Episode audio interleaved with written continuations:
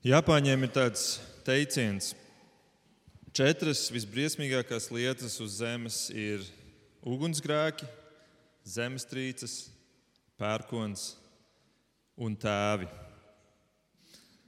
Tēvam Japānā ir jābūt un lielākā daļa esot arī stingram, autoritatīvam, nosodošam, Bet māte ir tā, kura cieš līdzi, kura audzina un kura nes rūpes. Un rezultātā Japāņi, īpaši vīrieši, ciena tikai savas mātes. Lūk, Japāņu kultūrā tēva loma. Un noteikti ne visi tādi ir, un es nezinu, cik tas teiciens šodien ir aktuāls, bet, bet noteikti daļa arī tāda ir. Un, um, ja mēs palūkojamies uz mūsu sabiedrību šodien, uz mūsu pašu valsti, tad es domāju, ka mums jāatzīst, ka viss nav tik rožaini, kā varbūt mēs arī tēvu dienā to tā um, izceļam. Jāatzīst, ka daudzi ir uzauguši ar tēviem, kuri neizstaro sapratni, iejūtību, žēlsirdību.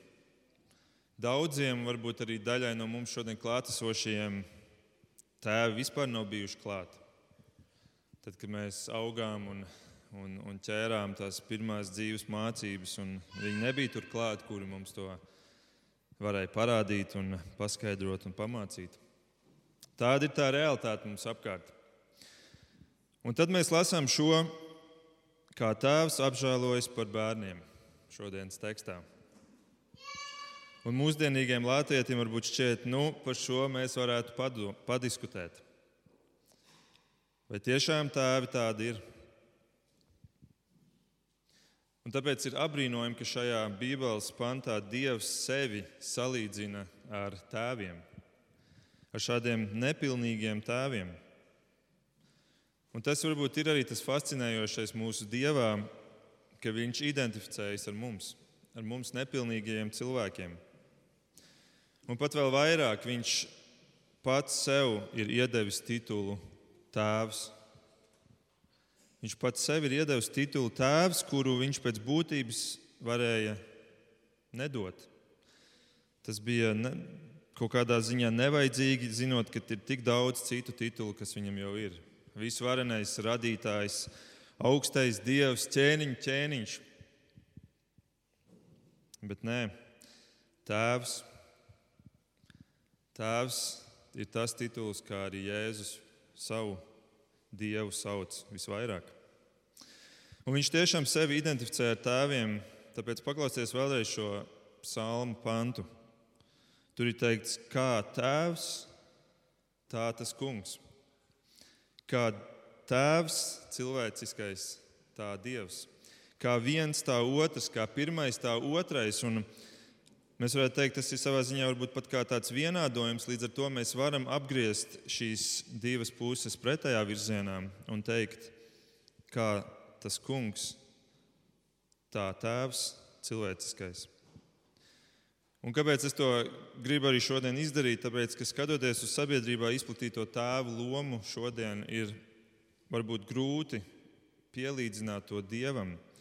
Tāpēc es gribētu paņemt dieva daļu pirmo apskatīties uz to, kāds ir Dievs, un tad mēģināt pielīdzināt to tēviem. Tātad par Dievu mēs šeit lasām, tas kungs apžēlojas par tiem, kas viņu bīstas. Kā tēvs apžēlojas par bērniem, tā tas kungs apžēlojas par tiem, kas viņu bīstas. Un es gribu paskatīties, kā tad Dievs apžēlojas. Kā Dievs apžēlojas? Un šodien es to gribu izdarīt tādā atkal putnu lidojumā. Mēs šeit to esam darījuši, vai ne? Pārlidojuši pāri Bībeles vēsturē, cilvēces vēsturē. Bet šoreiz es to gribu pas darīt, paskatoties uz vienu konkrētu aspektu. Un tas aspekts ir derības. Derības, kuras Dievs ir slēdzis ar cilvēkiem. Un caur šīm derībām mēs varam paskatīties uz to, kā Dievs apžēlojas par cilvēkiem. Labi, kāds jautās, kas tad īsti ir derība? Es esmu dzirdējis, tur vecā derība, jaunā derība. Kas ir derība? Derība pēc tādas vienkāršākās definīcijas būtu vienošanās. Šodien pat varētu teikt, juridiskajā jomā, ka tas ir līgums. Līgums starp divām iesaistītajām pusēm. Tātad vienošanās, kur iesaistītas divas puses, un Dievs šādas derības ir slēdzis vairākas ar cilvēkiem, ar cilvēci. Ja mēs saskaldām līdz pat sīkākajām derībām, tad eh, kādi ir saskaitījuši 12, bet es šodien gribētu pieminēt septiņas lielās, jeb septiņas galvenās derības. Vienkārši tādā putnu lidojumā izskriet viņām cauri un paskatīties uz to, kā Dievs apžēlojas šajā aspektā. Tātad pirmā derība ir ēdenes derība. Ēdenes derība. Kad Dievs rada pasauli, tad Viņš vairākas dienas visu kaut ko rada, un ko Viņš rada kā pēdējo? Cilvēku. Tieši tā. Cilvēku Viņš rada kā pēdējo. Tad, kad viss ir sagatavots, tad, kad bērnu istaba ir izkrāsota, kad mēbeles ir saskrūvētas un saliktas vietā, kad gultiņa ir ieklāta, tad ierodās bērns. Tēvs par to ir parūpējies, mamma arī, bet tēvs par to ir parūpējies, lai tā istabiņa, tā gultiņa būtu kārtībā, tad, kad ieradīsies bērniņš. Tā rīkojas labi tēvi. Un Dievs cilvēku, jeb savu bērnu, ieved gatavā pasaulē. Un tad, kad viņš to dara, tad, kad viņš stāv pie sliekšņa, lai to darītu, tad Bībele kaut ko apbrīnojamu atklāja par šo soli, kurš tūlīt tiks spērts par cilvēku ienākšanu pasaulē. Es nezinu, vai jūs jebkad to esat pievērsuši, pievērsuši uzmanību šim vienam aspektam. Un tas ir minēts 1. mūzus 1,26. Tur ir teikts tā, tad Dievs sacīja: darīsim cilvēku pēc mūsu tēla un pēc mūsu līdzības. Tik tālu visi ir dzirdējuši un zina šo. Bet tad seko vēl viens teikums. Tie, lai valda pār zivīm jūrā, un pār putniem gaisā, un pār lopiem, un pār visu zemi un visiem rāpuļiem, kas rāpo zemes virsū. Redziet, tur ir tas viens mazais vārdiņš, lai. Vārdiņš, lai parāda mērķi, nozīmi, jēgu. Tātad, ja mēs tā pavisam vienkārši paskatāmies uz šo teikumu, kāpēc Dievs rada cilvēku? Tādēļ, lai viņš valdītu pār zivīm, pār putniem, pār lauku zvēriem. Tad tāds ir pirmais, numur viens mērķis, kuru Dievs izvirza cilvēka radīšanai, lai tie valdītu, lai tiem būtu teikšana pāri dzīvniekiem. Un to Dievs arī vēlāk pasaka pašiem cilvēkiem sejā. 1. mūzis 1,28 teikts tā, un Dievs tos svētīja un sacīja uz tiem: augļojieties un vairojieties, piepildiet zemi un pakļaujiet sev to, un valdiet pār zivīm jūrā un putniem gaisā un katru dzīvu radījumu, kas rāpo pa zemi. Redziet, tātad Dievs savā starpā ir teicis, ja, pirms viņš rāda, tur ir daudz skaitlī, tātad tur mēs redzam jau to trīsvienību. Viņi saka, radīsim cilvēku, lai viņi valdītu pār dzīvniekiem. Un pēc tam Dievs pats to saka cilvēkam sejā. Tu esi šeit ieradies, un tagad tas ir mans uzdevums tev valdi pār dzīvniekiem. Un tad klāt viņš pieliek vēl mums ļoti labi zināmo aizliegumu. Otrās nodaļas 16. pantā. Dievs tas kungs pavēlēja cilvēkam sacīdams: No visiem dārza kokiem ēdams ēd, bet no laba un ļauna atzīšanas koka tev nebūs ēst, jo tai dienā, kad tu ēdīsi no tā, tu mirdams mirsi. Tātad, ja mēs atgriežamies pie domas par to, kad ir derība, tad uh, Dieva prasība pret cilvēku ir nēd no koka un valdi pār dzīvniekiem. Tā ir tā viņa prasību daļa. Un pretī viņš dod svētības. Viņš tur ir teikts, 20. iepriekšējā pantā, tur bija teikts, un Dievs tos svētīja. Dievs viņus svēta. Kas ir tas veids, kā Dievs svēta cilvēkus? Viņš viņiem dod skaisto ēdienas dārzu, viss viņiem, bet viņš vēl pieliek kaut ko klāt, kaut ko ļoti svarīgu. Tas, ko viņš iedod viņiem līdzi, ir nevainība, bezgrēcīgums. Šo pilnības stāvokli, kur viņi bija pilnīgi brīvi no grēka, un mums to ir grūti saprast, bet ja mēs kaut vai vienu stundu savas dzīves varētu nodzīvot šajā stāvoklī, es ticu, šajā stāvoklī nevainībā bez grēka, es ticu, ka mēs tikai tad saprastu, kas tā ir par dzīvi, kur tu esi ar tādām iespējām, ar, ar tādu pilnīgu redzi, ar pilnīgu mīlestību un ar pilnīgu patiesumu. Un tāds bija Ādams un Ieva. To Dievs viņiem iedeva līdzi. Tā bija tā manta, tā, tā, tā svētība, ko Dievs viņiem deva līdzi šajā līgumā. Un ne tikai deva līdzi, bet savā ziņā solīja, ka jums tas tiks saglabāts, ja jūs turēsiet savu daļu. Lūk, tā bija pirmā derība, ēdienas derība. Un tātad, ja jūs vēlaties saglabāt šīs svētības, tad nēdiet no koka un valdiet pār dzīvniekiem. Un kā jums liekas, kas notiek uzreiz pēc tam? Kad Dievs šo ir pateicis Ādamam un Ievai, kas notiek pēc tam? Pie Ādama un Ievas pienāk kas? Tieši tā, dzīvnieks. Dzīvnieks pienāk čūska, un tā sāk kārdināt cilvēku. Un ko Ādams un Ieva dara? Vai viņi atbild šādi? Čūska, tu nerunāsi die par Dievu šādi saprati? Mēs valdām pār tevi, un tādēļ es tev pavēlu apklusti. Vai viņi tā rīkojās? Tas bija tas, ko Dievs viņiem bija pavēlējis - valdi pār dzīvniekiem. Nē, mēs redzam, ka diemžēl viņi savu doto varu neizpildīja. Viņi neizpildīja to, ko Dievs viņiem bija devis šajā derībā. Tad notiek viss pretēji.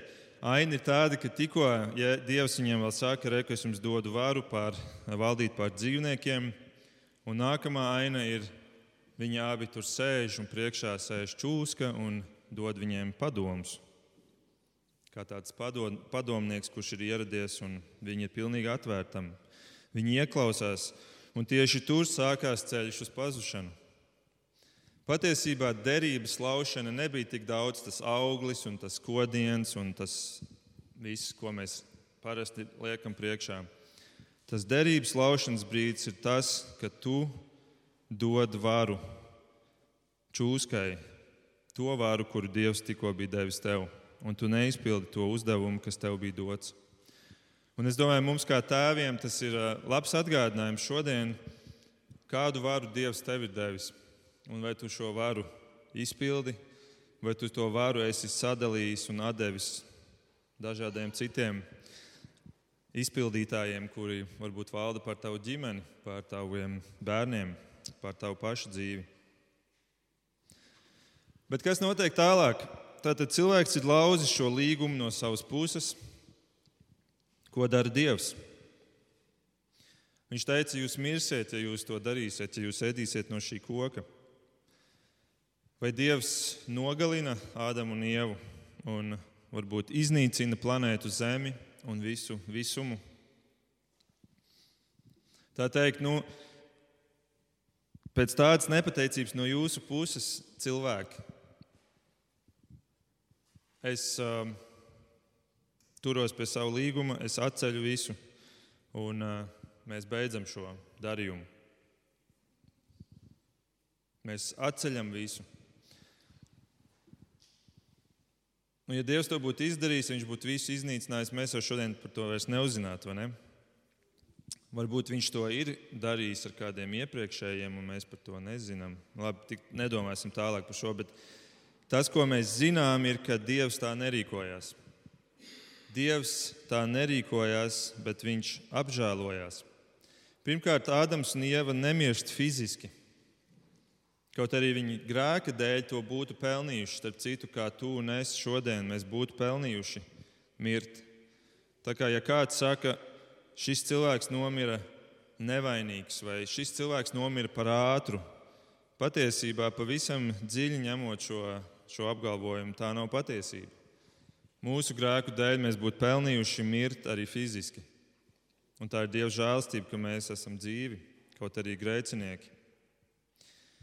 Bet to, ko Ādams un Ieva dara, viņi mirst garīgi. Viņi tiek atšķirti no Dieva garīgi, un to dara tas grēks.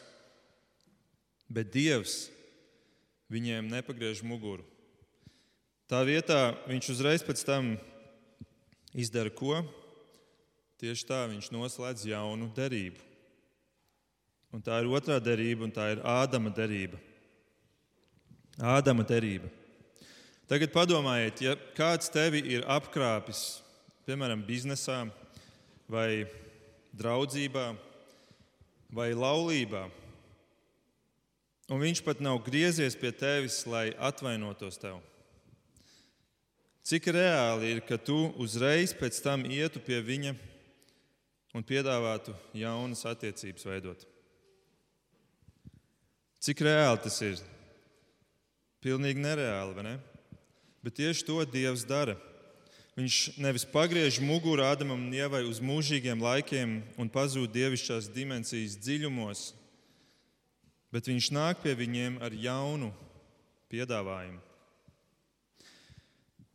Un Ādama derība ir gan lāsta uzskaitījums sievai un vīram par to, ka sievai būs ar sāpēm dzemdēt bērnus, un vīram būs ar pūlēm, smagi strādājot, pelnīt savu iztiku un savai ģimenei. Bet pirms viņš to uzskaita Ādamam un Ievai, viņš vēl griežās pie čūskas un viņš uzrunā šo čūsku. Un 1. mūzika 3.15. viņš saka, es celšu ienaidu starp tevi un sievu, starp tavu dzimumu un sievas dzimumu. Tas tev sadragās galvu, bet tu viņam iekodīsi papēdī. Un teoloģijā mēs šo mazo pantu saucam par proto-evangēlijumu, kas ir tāda pirmā atsauce uz evaņģēliju tā kā mazais prototyps evaņģēliem. Un savā ziņā Dievs šeit pasaka, jūs pārkāpāt noteikumus, bet tādēļ, ka jūs esat mani bērni, es jums palīdzēšu tikt ārā no šīs bedres. Un es domāju, tieši to dara labs tēvs. Jā, viņš dod skaidrus norādījumus, viņš pamāca, viņš dod kādas robežas saviem bērniem, tāpēc, ka viņš mīl viņus un viņš grib, lai tas nāk par labu bērnam, lai bērns tiktu pasargāts. Un, ja šis bērns pārkāpja šīs robežas, viņš soda viņu. Un uh, sekām ir jābūt. Citādi nav jēgas vispār sākt ar mācīšanu. Bet vienlaikus viņš parāda žēlastību un palīdz tikt ārā šim bērnam no tās bedres, kurā viņš ir caur savu nepaklausību, iekāpis, iekritis. Es atceros savu jaunību. Man bija laikam 18 gadi, un es gāju vēl autovadītāju kursos, un man bija palikusi tieši viena nedēļa līdz eksāmenam. Bet par nelaimi bija tieši klāt Jāņi, un mani labākie draugi tajā laikā dzīvoja Ventspīlī. Man ļoti gribējās tikt uz turieni, lai kopā ar viņiem nosvinētu Jāņus. Tā nu ar dažādām viltībām es tiku pie, pie tēva auto, um, un es braucu uz turieni bez tiesībām. Un viss bija labi līdz pēdējās dienas vakaram, kad jau pirms došanās atpakaļ uz Rīgu, un es tajā brīdī vedu savus uh, Vēnspilsnieku draugus, izvadāju pa viņu mājām. Es iegriezu, man īstenībā viens Vēnspilsnieks teica, lai es tur griežu. Es iegriezu vienā ieliņā, un izrādās tur bija ķieģelis. Tā bija vienvirziena iela, es iebraucu pretējā virzienā. Un uzminiet, kas man brauc pretī. Tieši tā, policija. Un tā nu viss beidzās ar to, ka es nonācu policijas iecirknī, man tur safotografēja no visām pusēm. Un droši vien es joprojām esmu viņu uh, bilžu datu bāzē. Un, uh, un tad sekoja zvans tēvam, kurš pēc tam ar autobusu brauca no Rīgas uz Vēnspili lai izpirktu mani un savu auto par 50 latiem. Nu, lūk, tā mans tēvs man ir reiz izvilcis no bedres, kurā es biju iekritis sava neprāta dēļ. Līdzīgi kā Dievs arī šeit rīkojas uzreiz ar Ādamu un Ievu, nevis pasaka, jūs paši esat vainīgi. Un, uh, sots ir, sekas paliks, bet es palīdzēšu tikt ārā no šīs bedres. Un šai tikšanai ārā no bedres Dievs sola, ka kādu dienu es sūtīšu glābēju, kādu dienu es sūtīšu to, kurš izvilks cilvēku no tās bedres uz visiem laikiem. Bet kā cilvēki tagad reaģē uz šo dievu žēlastību, kā jums šķiet? Vai viņi lielā pateicībā dievam nu ir gatavi laboties? Ne viņas no tām pirmais dzimušais cilvēks pasaules vēsturē, vārdā Kains, kļūst par slepkavu. Un tālāk, kā cilvēce grimst tik lielā ļaunumā, ka dievam ir jāpieņem lēmums, nereāls, smags lēmums, līdzīgs tam lēmumam, par kuru es iepriekš minēju, kuru mēs varbūt gaidījām pēc ēdienas grēkā krišanas. Bet lēmums, kuru Dievs izlēma, ka cilvēce ir jāaptur jāiznīcina. Un tāpēc tiek sūtīti lielie plūdi, kuros Dievs iznīcina cilvēci. Bet ne visu cilvēci. Dievs atkal apžēlojas, viņš tomēr izglābi vienu ģimeni, Noā ģimeni. Un tā jau ir žēlastība, bet pēc šiem plūdiem viņš atkal noslēdz jaunu derību. Un tā ir trešā derība derība, kuru mēs saucam par Noā derību. Tad pēc ēdienas derības un ādama derības Dievs noslēdz atkal jaunu derību, atkal jaunu vienošanos ar cilvēci. Un tas ir 1. mūzes 9.11. piefiksēts, kur Dievs saka, es ceļu savu derību ar jums, ka visa radība vairs netiks izdeldēta ūdens plūdos un ka plūdi vairs nemaitās zemi. Un tad, kā derības zīme, mēs zinām, tiek dota varavīksne. Un šī ir atkal viena jauna apžēlošanās, kas savā ziņā nebija nepieciešama. Kāpēc Dievs nevarēja paturēt savu tiesības atkal restartēt cilvēku caur plūdiem? Bet Dievs no savas puses parāda šo labvēlību, ka Viņš to vairs nedarīs. Un liekas, ka atkal un atkal Dievs iet tādu papildus jūdzi, lai cilvēks skaidri saprastu, ka viņš ir mīlēts. Ka par spīti tam, kāds cilvēks ir, ka viņš ir mīlēts tāpēc, ka viņš ir Dieva bērns, tāpēc, ka viņš ir Dieva radīts, tāpēc, ka viņam ir tēvs un tas ir eh, Dievs radītājs. Sots par grēku, jā, sekas, jā, paliek bet žēlastība vienmēr turās līdzi, vienmēr ir blakus šajā dieva rīcībā. Bet atkal mēs varam teikt, kā cilvēks reaģē uz šo visu. Liekas, cik nemainīgs ir Dievs, kurš visu laiku ir uzticīgs savai derībai. Viņš nereiz nav pārkāpis savu pusi līgumam. Cik nemainīgs ir Dievs, tik nemainīgs šķiet arī cilvēks, kurš atkal un atkal pārkāpj to. Un tā notiek atkal pēc plūdiem. Cilvēki paliek ar vien lepnāki. Līdz Bābelē mēs zinām stāstu. Cilvēks izlēma būvēt torni līdz debesīm. Un kādēļ? Tādēļ, lai viņš būtu kā dievs, lai viņam būtu vārds, lai viņš būtu kaut kas. 1. mūzes 11.4. Mēs lasām viņus, sakām, celsim sev pilsētu ar torni, kura virsotne sniedzas debesīs Ar to mēs sagādāsim sev vārdu. Redziet, ar to mēs sagādāsim sev vārdu, un es domāju, mēs varbūt arī katrs sevi ieraugam šajā situācijā. Ka mēs gribam kļūt kaut kas, mēs gribam kļūt par kaut ko, mēs gribam kļūt kā dievs. Tas ir tas, ko mēs jau ēdenē dzirdējām. Un paiet kāds laiciņš, un mēs esam atkal turpat gandrīz. Tikai tagad to dara jau cilvēku pūlis, masa. Mēs gribam sev sagādāt vārdu. Tā problēma jau pat par sevi jau tas ir ok. Tu gribi sagādāt sev vārdu. Šodien tu to gribi varbūt kļūt slavens vai kļūt uh, ar labu reputāciju un, un uh, varbūt nopelnīt arī kādu, kādu bagātību caur to, ka tev ir vārds. Tas jau pats par sevi nav slikti. Problēma ir tajā, ka šie cilvēki gribēja to izdarīt apējot Dievu. Un, ja mēs to gribam darīt apējot Dievu, tā kļūst par problēmu. Un to Dievs nepieļauj. Viņš sajauc viņiem valodas, viņi tāpēc izklīst pa visu pasauli, sadalās viss tas potenciāls. Kas, starp citu, liek domāt, ka, kas notiktu šodien, ja pasaule sanāktu kopā, izveidot vienu valodu un saprastos tādā līmenī, kā šobrīd pasaule nesaprotas. Kas tas būtu par potenciālu? Bet tas ir stāsts citai reizei. Bet tātad Dievs viņus izklīdina, jo viņi gribēja sev sagādāt vārdu. Bet ziniet, ko Dievs uzreiz pēc tam dara? Nākamā aina ir tā, ka Dievs sev izradz vienu vīru. Un viņš šim vīram saka, es tev gribu darīt, sagādāt lielu vārdu. Un tas ir Ābrahams.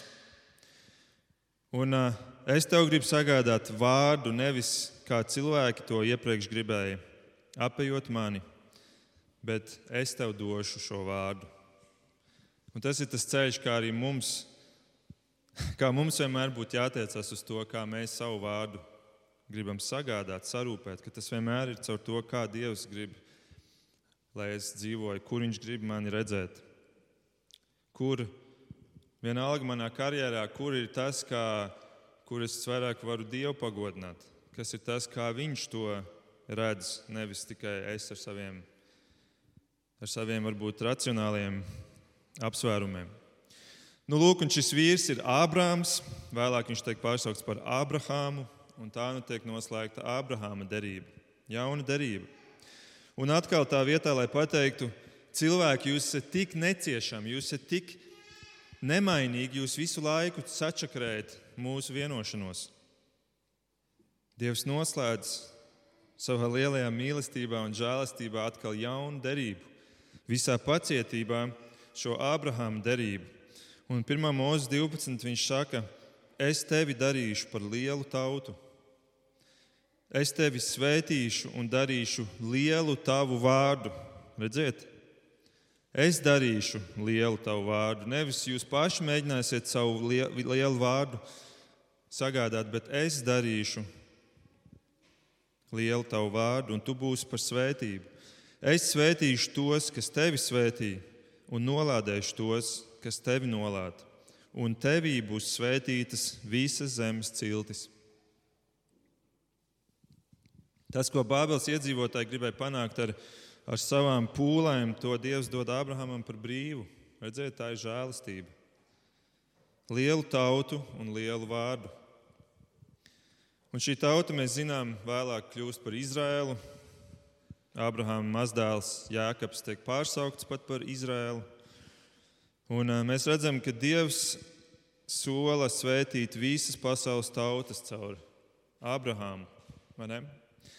Visas, un tas ir kaut kas ļoti būtisks. Viņš nesaka tikai, es tev izveidošu foršu tautu, kurā es būšu klāt.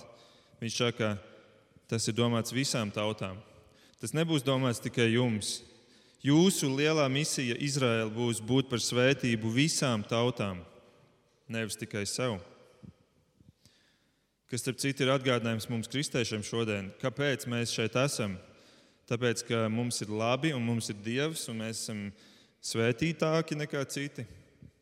Vai mūsu misija tomēr paliek tāda pati, kā bija Izrēlam, būt par svētību visām tautām, kas mums ir apkārt? Nu, lūk, mēs esam nonākuši līdz Ābrahāma derībai, bet cilvēks atkal turpina to laust. Jo Izraels arvien vairāk sāk domāt un novērtēt to, ka viņi ir kaut kas īpašs. Viņiem sakāpja galvā, ka viņi ir pasaules centrs, ka glābjošā vēsts ir tikai viņiem dota, nevis tām apkārtējām tautām. Viņiem kļūst par pašsaprotamu doma, ka Dievs ir viņus izredzējis, izredzējis tāpēc, ka viņi ir kaut kas svarīgāks, kaut kas īpašāks. Un es domāju, ka mēs arī kā bērni varbūt reizēm jūtamies, ka es esmu īpašs, jo es esmu piedzimis šajā ģimenē vai šajā sabiedrībā, šajā attīstītajā valstī, šajā turīgajā sabiedrībā, šajā kristīgajā kultūrā. Es esmu kaut kas lielāks, bet jautājums ir, vai tu nopelnīji, lai piedzimtu šeit. Tas ir tavs nopelns, lai tu būtu šeit piedzimis, nevis varbūt Saudu Arābijā, musulmaņu ģimenē. Tā ir bijusi Dieva izvēle, Tēva izvēle, un tā ir Viņa žēlastība mums. Un, lai to saprastu, gan mēs, gan arī Izrēlam bija vajadzīgs kaut kas, kas viņiem parāda viņu robežas. Parāda to, cik nepilnīgi viņi patiesībā ir. Un kas tas bija? Tieši tā, likums, bauslība. Kas parādīja to, ka tu neesi nemaz tik pilnīgs, kā tu domā, kas tev atgriezt atpakaļ realitātē uz zemes. Un Dievs to dara caur nākamo derību. Un tā ir Mūzes derība, piektā mūsu sarakstā. Mēs tuvojamies beigām. Jūs Jūtat, vai ne? Piektā derība, kur Mūzes principā saņem dieva likumus, un tad dievs dod šo prasību mūzum. Bet tagad, ja jūs uzklausīsiet manu balsi un turēsiet manu derību, tad jūs man būsiet par īpašumu visu tautu vidū, jo man pieder visa pasaule. Tad mēs redzam, ka šeit ir atkal jauns, jauna vienošanās, kuru Dievs noslēdz. Un, un Dievs saka, es no jums prasu tagad, ka jūs pildat manu likumu, un no tā būs atkarīgas jūsu svētības.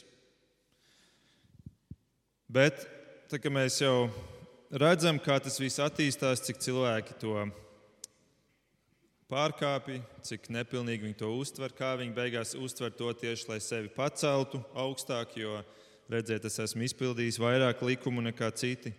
Līdz ar to es tomēr esmu diezgan pilnīgs. Tieši šī iemesla dēļ pēc tam jaunajā derībā Pāvils raksta šiem jūdiem un saka, ja kas bauslība bija domāta grēka atziņai, lai parādītu tev, cik tu esi grēcīgs, nevis lai parādītu, cik tu esi īpašs vai cik tu esi dieva pamatoti izredzēts. Un tā nu mēs redzam, ka Izraēla tauta vienkārši lauž šo derību, atkal likumus pārkāpj. Un um, Dievam atkal un atkal tiek dots iespējas pagriezt muguru. Šeit mēs varētu teikt, ir jau 0,5 no cilvēku skatu punkta. Pieci lausti līgumi un, un patiesībā vēl vairāk, bet no mūsu saraksta Pieci lausti līgumi, un Dievs nereizi nav no savas puses to izdarījis. Bet viņa rīcība ir atkal, ka viņš parāda no jauna savu žēlastību. Laikā, kad ir jau sācies ķēniņa periods Izrēlā, kuru tauta pieprasīja, jo viņa gribēja patiesībā aizstāt dievu ar ķēniņiem. Viņi redzēja, ka apkārtējām tautām ir visiem ķēniņi, un viņi teica, mums arī vajag ķēniņu. Izraels gribēja būt kā pārējie, un Dievs viņiem saka caur praviešiem, ka tas nav labs lēmums, nedariet to. Tomēr viņi, piekā, viņi nepiekāpās un pieprasīja, un brīdinot to, ka tas nav pareizi, viņi tomēr saņem no Dieva šo pirmo ķēniņu, kas ir ķēniņš Sauls, kurš izrādās ļauns ķēniņš. Un tādēļ Dievs izredz otru ķēniņu, kurš seko pēc Saula, un tas ir ķēniņš Dāvids. Un tā nu sako sastā derība, kuru Dievs tagad noslēdz ar ķēniņu Dāvidu. Un mēs redzam, ka patiesībā arī ķēniņš Dāvids ir ar saviem grēkiem, un Izraels sāk saprast, ka ķēniņi nav nemaz tik forši, kā mēs varbūt domājam. Ķēniņi nav pilnīgi, viņi nav perfekti, viņi nerūpējas par tautu tā, kā, kā viņiem varbūt to vajadzētu. Un tāpēc Dievs atkal savā lielajā žēlastībā noslēdz jaunu derību ar Dāvidu, kurā viņš sola kādu dienu sūtīt to perfekto ķēniņu, par kuru viņš sen atpakaļ ēdenē bija ieminējies.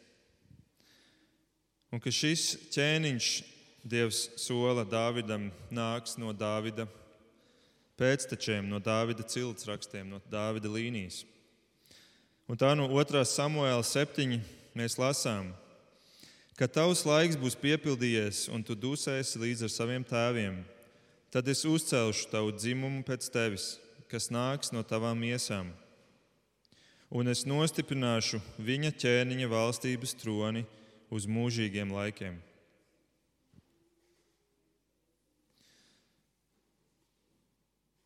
Sešas derības.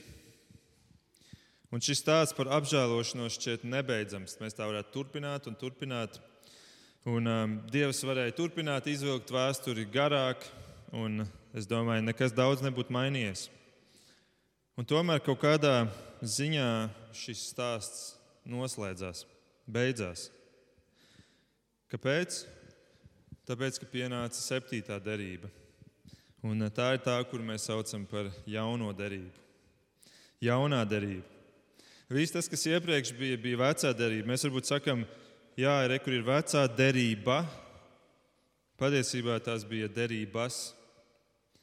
Daudzas derības, vesela vēsture ar derībām.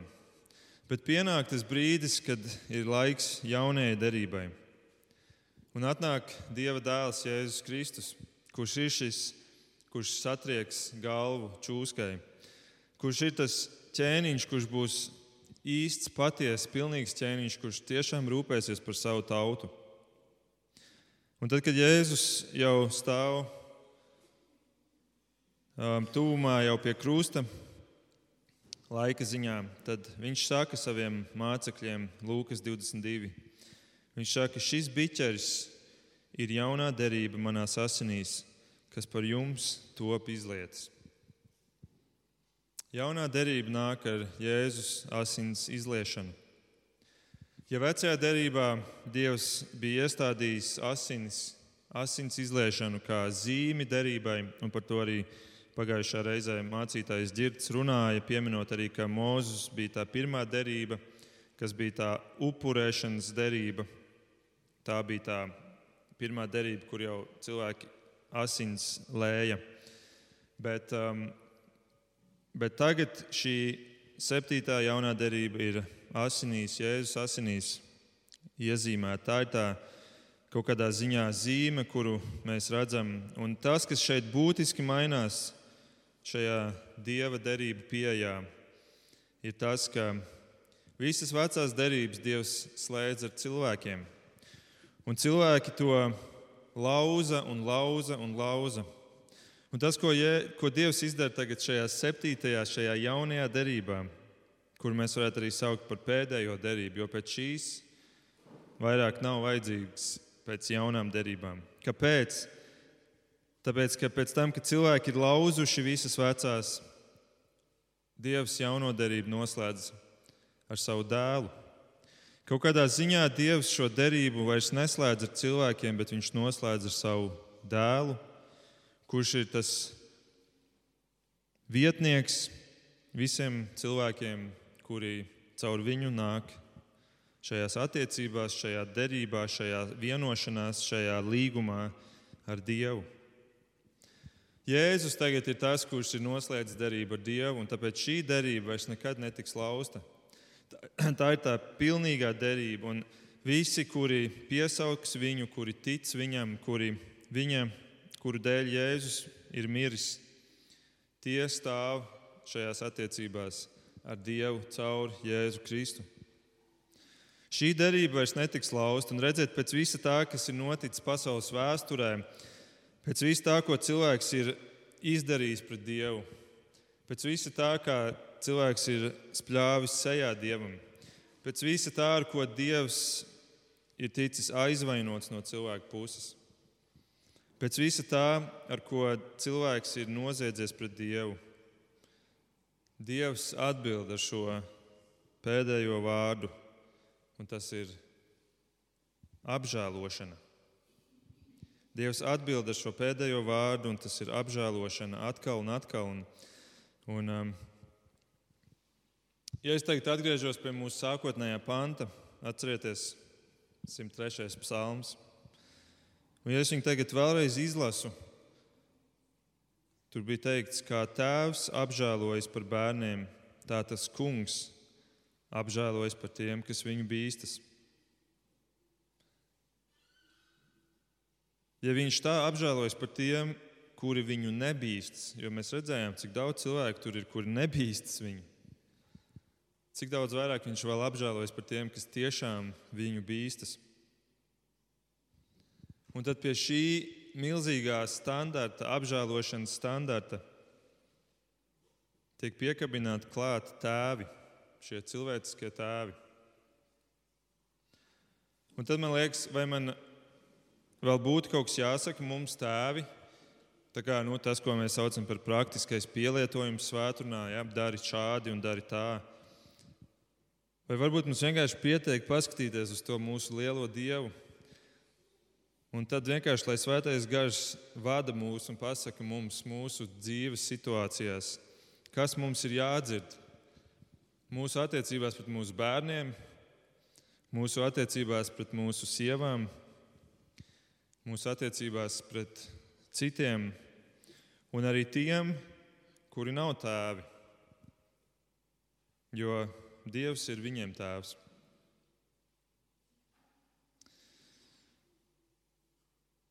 Laiks ir paskrējis, bet es vēlos vēl noslēgt ar vienu vienu īsu stāstu, un um, tas ir vienkārši jūs varat paklausīties.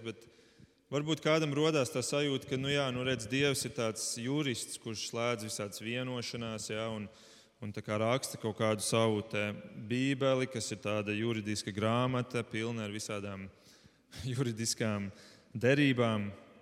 Tad es vēlos nolasīt vienu stāstu, kas mazliet liek padomāt šajā virzienā. Kādu jaunu vīrieti gatavojās notiesāt ieslodzījumam. Tiesnesis viņu labi pazina kopš jaunības, jo bija tuvās attiecībās ar viņu tēvu, kurš bija kāds slavens jurists un grāmatas trastu likums autoru. Tas ir patiesa stāsts, un es arī šo grāmatu uzmeklēju, atradu. Vai tu atceries savu tēvu? jautāja šis tiesnesis. Es atceros viņu ļoti labi, jūsu godību atskanēja atbilde. Tad, mēģinot pārbaudīt pārkāpēju sirdsapziņu, tiesnesis teica: Domājot par to, ka tiksiet tūlīt notiesāts, un domājot par savu brīnišķīgo tēvu, ko jūs vispilgtāk atceraties par viņu? Sekoja pauze. Tad tiesnesis saņēma atbildi, kuru viņš nebija gaidījis. Es atceros, kad devos pie viņa pēc padoma. Viņš pacēla savus acis no grāmatas, kuru rakstīja, un teica: Dodies ārā, skriet dēls, es esmu aizņemts. Kad es devos pie viņa vienkārši kompānijas pēc, viņš novērsās, sakot: Dodies ārā, skriet dēls, šī grāmata man ir jāpabeidz. Jūsu augstība, jūs viņu atceraties kā lielu juristu. Es atceros viņu kā pazaudētu draugu. Un tiesnesis nomurmināja pie sevis. Skumji grāmatu viņš pabeidza, bet dēlu pazaudēja. Grāmatu viņš pabeidza, bet dēlu pazaudēja. Redziet, Dievs arī pabeidza savu grāmatu, kuru es šodien esmu jūs priekšā vērs vaļā un no kuras es esmu lasījis.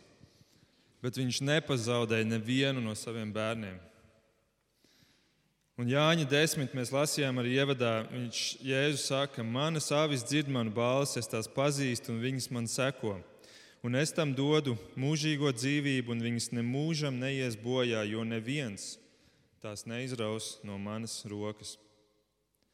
Un Jāņa 6. viņš to pašu saka par savu tēvu, ka neviens tās neizraus no tēva rokas.